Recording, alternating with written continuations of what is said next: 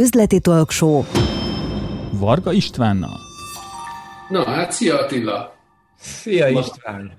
Mi mikor is ismertük meg egymást? Nagyjából három éve? Jól emlékszem, három-négy éve? Most már lehet, hogy négy éve. Mi azt hiszem, hogy egy üzleti klubban találkoztunk, aztán beszélgettünk, és kiderült, hogy te multiban dolgozol, és vannak különböző terveid. És akkor meséltél nekem a legjobb önmagad koncepciójáról, és utána voltam a rendezvényeden, ami egy nagyszerű rendezvény volt. Számomra nagyon hihetetlen volt az, ahogyan a, a magyar népességnek egy viszonylag nagy százalékát, mert a több száz fő az egy viszonylag nagy százalékot tesz ki, meg tudtad mozgatni aktívan reggel 9-től este 10 óráig, gyakorlatilag táncoltak, tapsoltak, ugráltak, és nekem ez ilyen teljesen hihetetlen számba ment, hogy erre Magyarországon képes valaki. És ugye mi, mi előtte is, közben is, meg utána is nagyon sokat beszélgettünk, és én nagyon tisztelem a te munkásságodat, mert hogy közben útjára indítottad a, a meghallgatunk.online-t,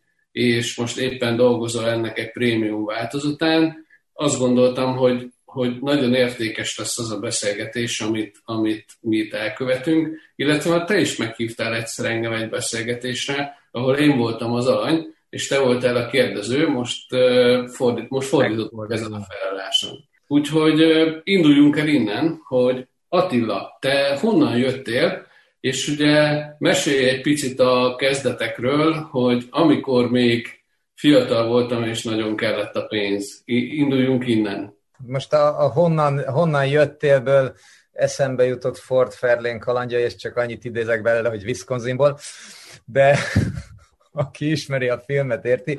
E, István, köszönöm szépen a meghívást ebbe az egy kérdésbe. Én úgy érzem, hogy belesűrítetted az összes kérdést, amit fel lehet tenni és akkor eh, megnézem az órát, és elkezdem az egylevegős válaszomat. Jól, jól neki látok. Hát szóval, eh, ahonnan én jöttem, az, az tulajdonképpen a, a hogyan oldjuk meg, hogyan oldjuk meg a lehető legjobb életet a lehető legkevesebb befektetéssel, tehát az élet hozamkockázat arányát hogyan lehet maximalizálni. Ez azt jelenti, hogy én annak idején ilyen kölök koromban, nagy kamasz, tehát ilyen 20-as, 30-as éveim, nagyon erősen szerettem megválogatni, hogy, hogy milyen munkát vállaljon el az ember. Nem is az, hogy én, hanem egyáltalán. Tehát nekünk volt egy vidám közösségünk a második kerület vérhalomtér környékén, és ott, folyamatosan vérciki volt, hogyha valaki a, a fagyizóban állt munkába, vagy a pizzériába dolgozott, vagy a zöldségesnél, tehát hogy ott a baráti körben mindig azt vették a másik elé, aki na beállt és Na, az mekkora cink, úgyhogy nekem örök kihívásom volt azzal, hogy jó, jó, de 20 évesen az ember hova menjen dolgozni, mivel akkor még nem volt annyira kedvem tovább tanulni, ezért úgy döntöttem, hogy jó, akkor, akkor én elkezdek ilyen autókereskedésbe, mert akkor oda lehet inget venni, az biztos milyen szép lesz aztán ez addig zajlott, még el nem tűntem az Egyesült Államokba, mert ott nagyon gyorsan rájöttem, hogy hát ahol senki nem ismer, ott nem ciki fagyit árulni sem, és mondjuk mindezt én meg tudtam tenni Manhattan egyik legmenőbb helyén. Én körülbelül ott kezdtem el megtalálni, megtalálni magamat, Na most, amikor, és ez 2001-ben volt, ha visszaugrok egy picit az autókereskedésre, akkor biztosan megvan neked Dale Carnegie-nek a Siker Kalauz című könyve. Persze.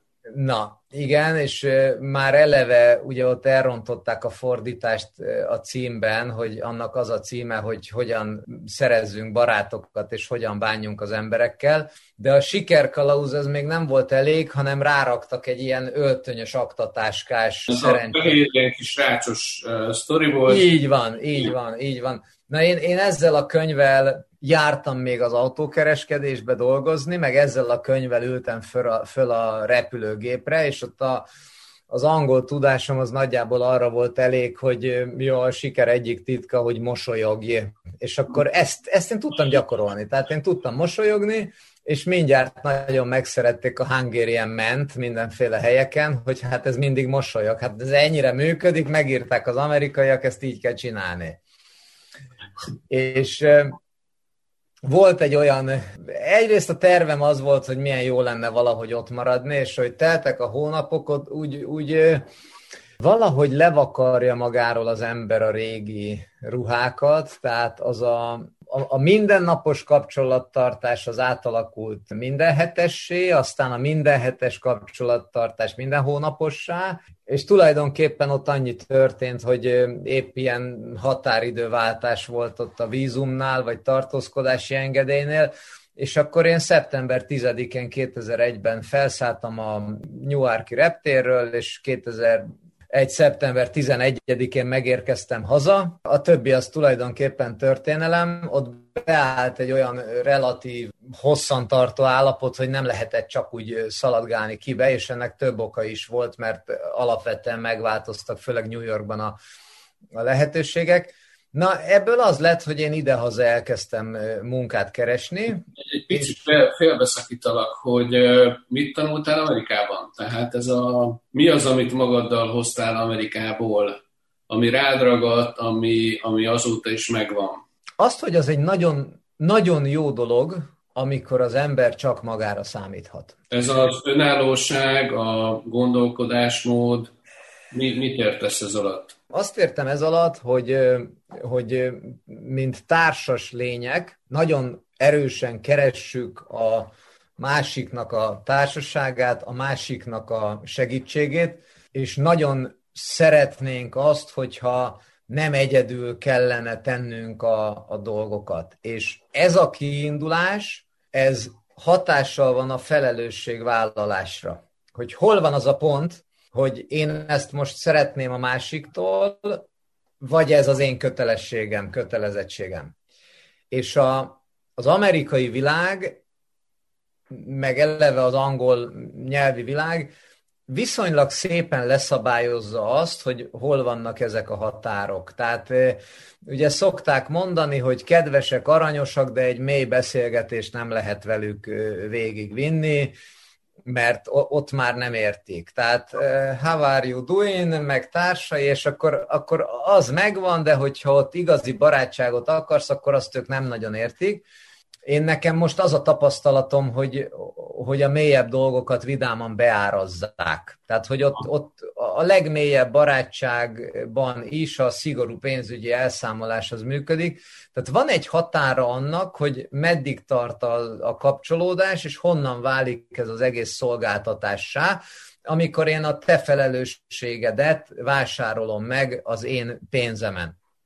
És amikor így ide-haza mozgunk különböző közösségekben, akkor nagyon hamar megjön, amikor, nézik egymást az emberek egy találkozón, és mindegyik szeretné a sajátját eladni a másiknak, de, de, közben, de közben senkinek nincs igazán igénye a, a, arra, ami, és frusztráltak lesznek. Tehát, hogy nem azért vannak ők ott együtt, hogy, hogy együtt legyenek, hanem, hanem érdekből. És ez egy teljesen normális helyzet, ami kialakul attól, hogy interakcióban vagyunk egymással. Na most én abban a világban egészen felszínes kapcsolódásokra voltam képes. Hozzáteszem, a legtartósabb barátságokat onnan hoztam, azokat a legtartósabb barátságokat, amik mögött nem volt elvárás.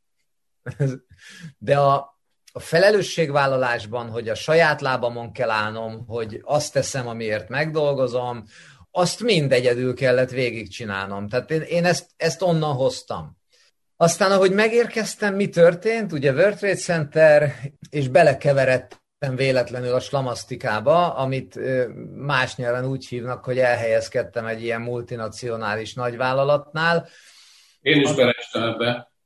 Ami mindenféle, mindenféle fajta anyai protekcióval történt, mert a, a, az előzetes beszélgetéseken nem én voltam ott 24 évesen, hanem édesanyám keresett meg olyan embereket, akikkel valaha kapcsolatban volt, és azt a kérdést vitte magával, ennyit tudott rólam, hogy elég izgálga a gyerek, valami olyan állás kéne neki, ahol nem kell az irodában lenni, de kap cégautót.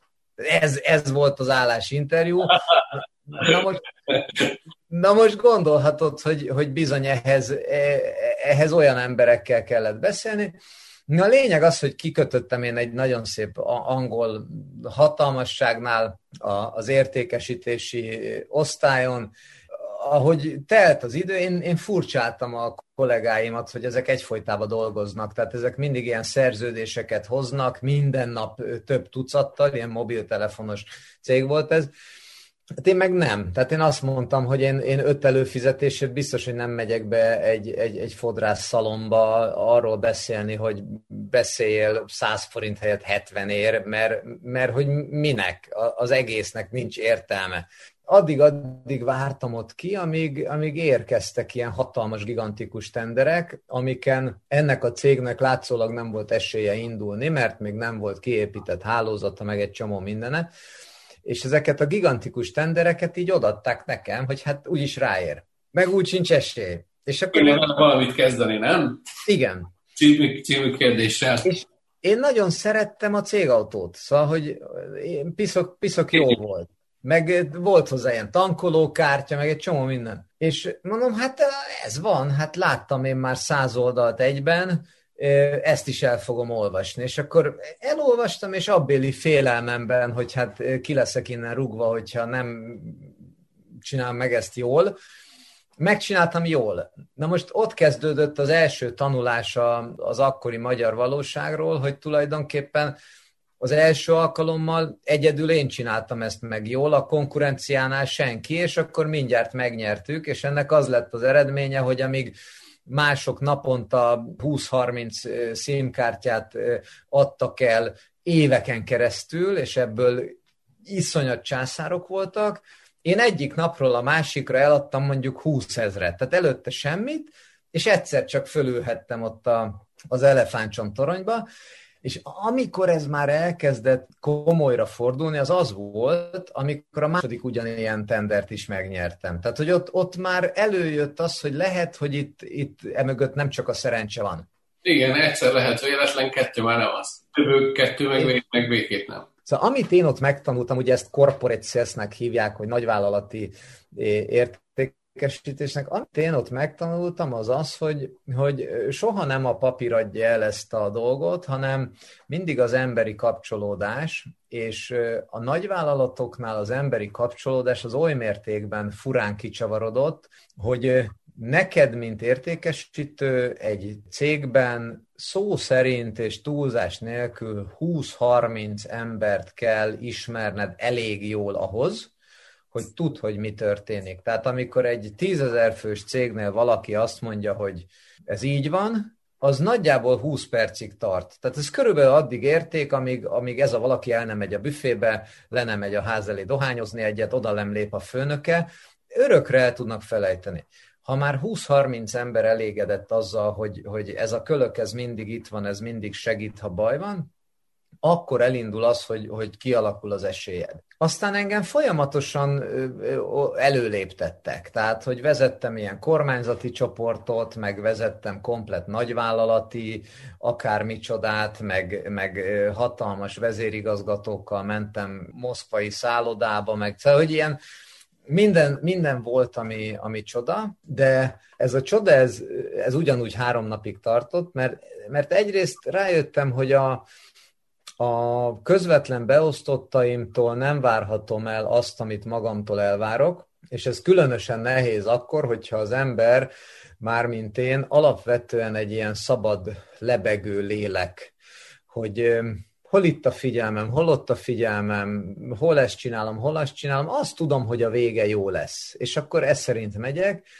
Ezt nagyon kevesen tudják így csinálni, tehát sokkal inkább szabálykövetőek a, a, az emberek, vagy kiadod a munkát, és akkor ő azt csinálja, vagy kiadsz egy konkrét feladatot, és akkor azt elvégzi, vagy te csak legyél vezető, de hogyha biztos ismered ezt, a diszket, hát az enyém az rikító, rikító citromsárga vagyok. Szóval elindultak mindenféle fajta kényelmetlenségek, amikor én elkezdtem keresni a kiutat a, a multiból. Tehát még mindig nagyon élveztem a cégautót, mi nagyjából itt, itt, itt találkoztunk szerintem, én ezt úgy végig, végignéztem kívülről.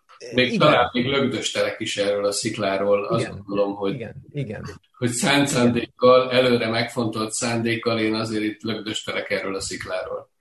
Igen, szóval, hogy, hogy, és egyébként sokan lögdöstek, ami, amit itt mindenképp be kell bigyeztenem, hogy a, a multik világában van egy, ez a jövedelem benchmark, hogy... Igen, meg ez egy ilyen buborék, tehát ez egy ilyen, azt gondolja az ember, hogy ez egy ilyen sérthetetlen buborék, ami nagyon hamar ki tud pukkanni, de egyébként nagyon jó a buborékban. Amikor el vagy altatva, tehát rajtad van a maszk, amikor aláírsz egy munkaszerződést, akkor ott, ott két dolog történik hivatalosan. Az egyik az, hogy a, a cég felé elköteleződsz arra a munkára, ami ott le van írva, a másik meg, hogy a cég elköteleződik felét, hogy a hó végén kifizeti azt a pénzt a te munkádért. És a következő pillanatban elkezdődik egy ilyen branding. Elkezdődik egy olyan, hogy, hogy fú, te most akkor te hozzánk tartozol. Milyen, uh-huh. bocsánat, láttam a táblát mögötted, milyen business flow-snak lenni. Igen, ez a, van cég a hátad mögött, ami nagy és biztonságos sugal.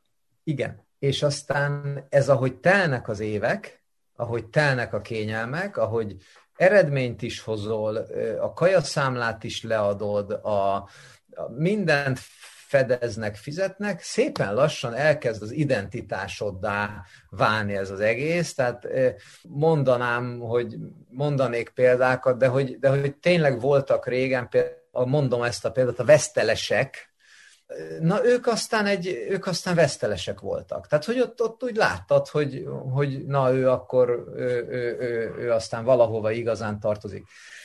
És ez addig működik, amíg arra nem jössz rá, hogy a másik oldalon viszont elkezdesz egy darab picike kis számmá alakulni, és ez a picike kis szám, ez, ez, ez valahol ott van a ranglétrán, és, és egyszer csak ezt lehúzzák onnan, bármiért is. És az érdekesség az, hogy minél jobban adod át az identitásodat az adott cégnek, tehát már nem csak a munkádat adod, hanem már a szívedet, a lelkedet, a... Ez annál jobban fáj.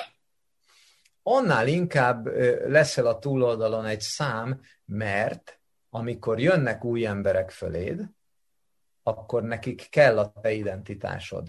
Tehát ő, ő megjön a cégbe, és meglátja a te szabadságodat, meglátja a te szabad mozgásodat, és zavarja hogy ő még tanul, de a főnököd, te meg miért érzed ilyen jól magad. Na, és akkor az egész onnan ott fakad ki, amikor én elkerültem az én, én akkori nagyon kedvenc, és nagyon sokáig eh, ott töltöttem időt munkahelyemről, és álltam én odakünn a piacon, és néztem azt, hogy hát én semmihez nem értek. Igaz, hogy időközben szereztem két diplomát, de alapvetően semmihez nem értek, csak, csak így értékesíteni. Ez, ez volt az én meggyőződésem, de hogy igazából még ahhoz sem, mert ismerek néhány cégnél embereket, de hogy én soha többet nem akarok semmilyen színű színkártyát eladni, soha többet nem akarok almát eladni, soha, tehát semmit nem akarok eladni, mert hogy nem látom mögötte azt az értéket, ami, érték, megérné, hogy egy másik emberrel megismerkedj. Én, én az emberekkel úgy szeretek megismerkedni, hogy nem kell eladjak nekik semmit. Én ott botlottam bele véletlenül Tony Robbinsnak egy angliai rendezvényének a hirdetésébe,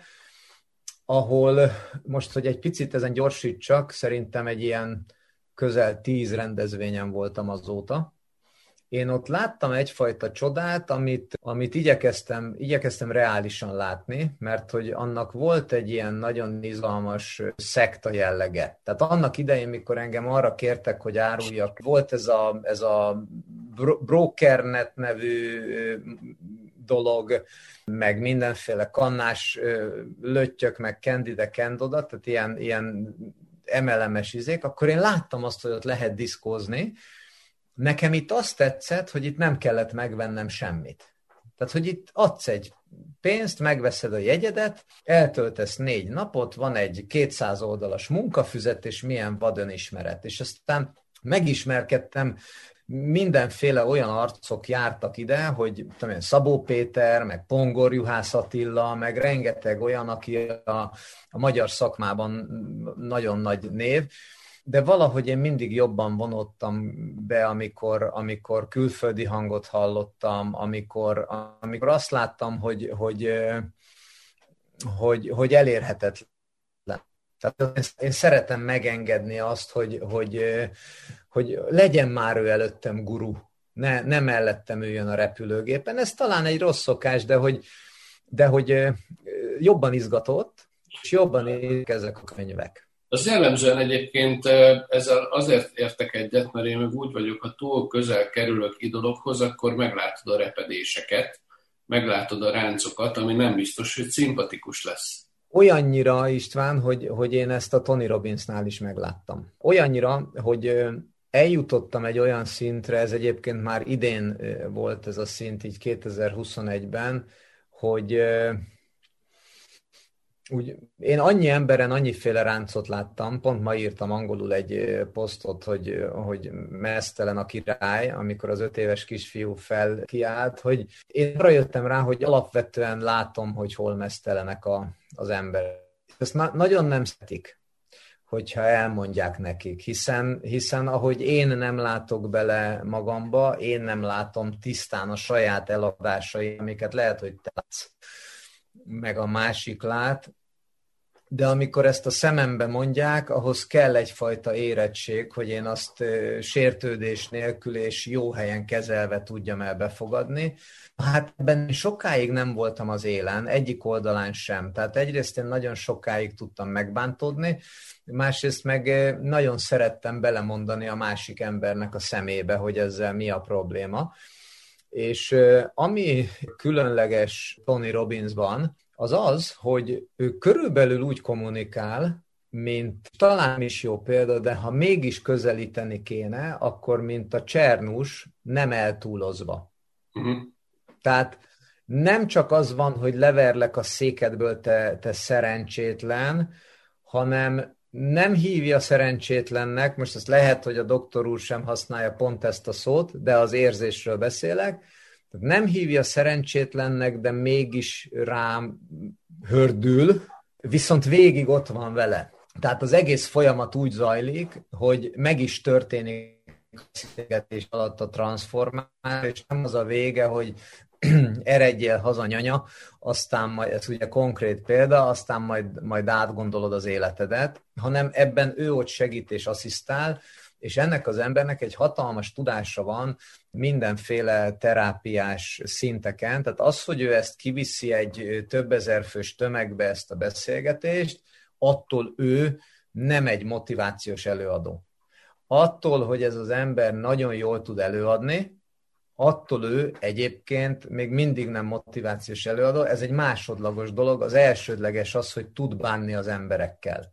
És nekem ez egy sokkal fontosabb dolog lett, főleg mióta mióta megélem, hogy nem feltétlenül kell most megnéznem, hogy milyen alsó neműt viselsz ott a Zoom előtt, egyáltalán most lábat áztatsz-e, vagy, vagy mit történik. Nem, nem, nem vagyok bizniszkentaurban, rajtam a drág. Nincs, nincs, tehát, hogy, hogy amikor ennek nincs jelentősége, hanem a, a, az együttlétnek, a közösen eltöltött időnek, az értékadásnak van jelentősége. És szóval ez ott engem annyira meghatott ez a Tony Robbinsos dolog, hogy én elkezdtem jobban beleásni magamat ebbe, egészen annyira, hogy, hogy utána én elvégeztem a Semmelweis Egyetemnek a mentálhigiénik képzését, ezt én azért választottam, mert ez volt a legalapabb olyan egyetemi képzés, ahol pszichológiát lehet tanulni, de én pszichológiát egyetlen egy dologért akartam tanulni akkor asom szerint, hogy én jól megvizsgáljam a Tony Robbinsnak a dolgait. És aztán én ezeket a dolgokat megvizsgáltam alaposan, ebből írtam egy ilyen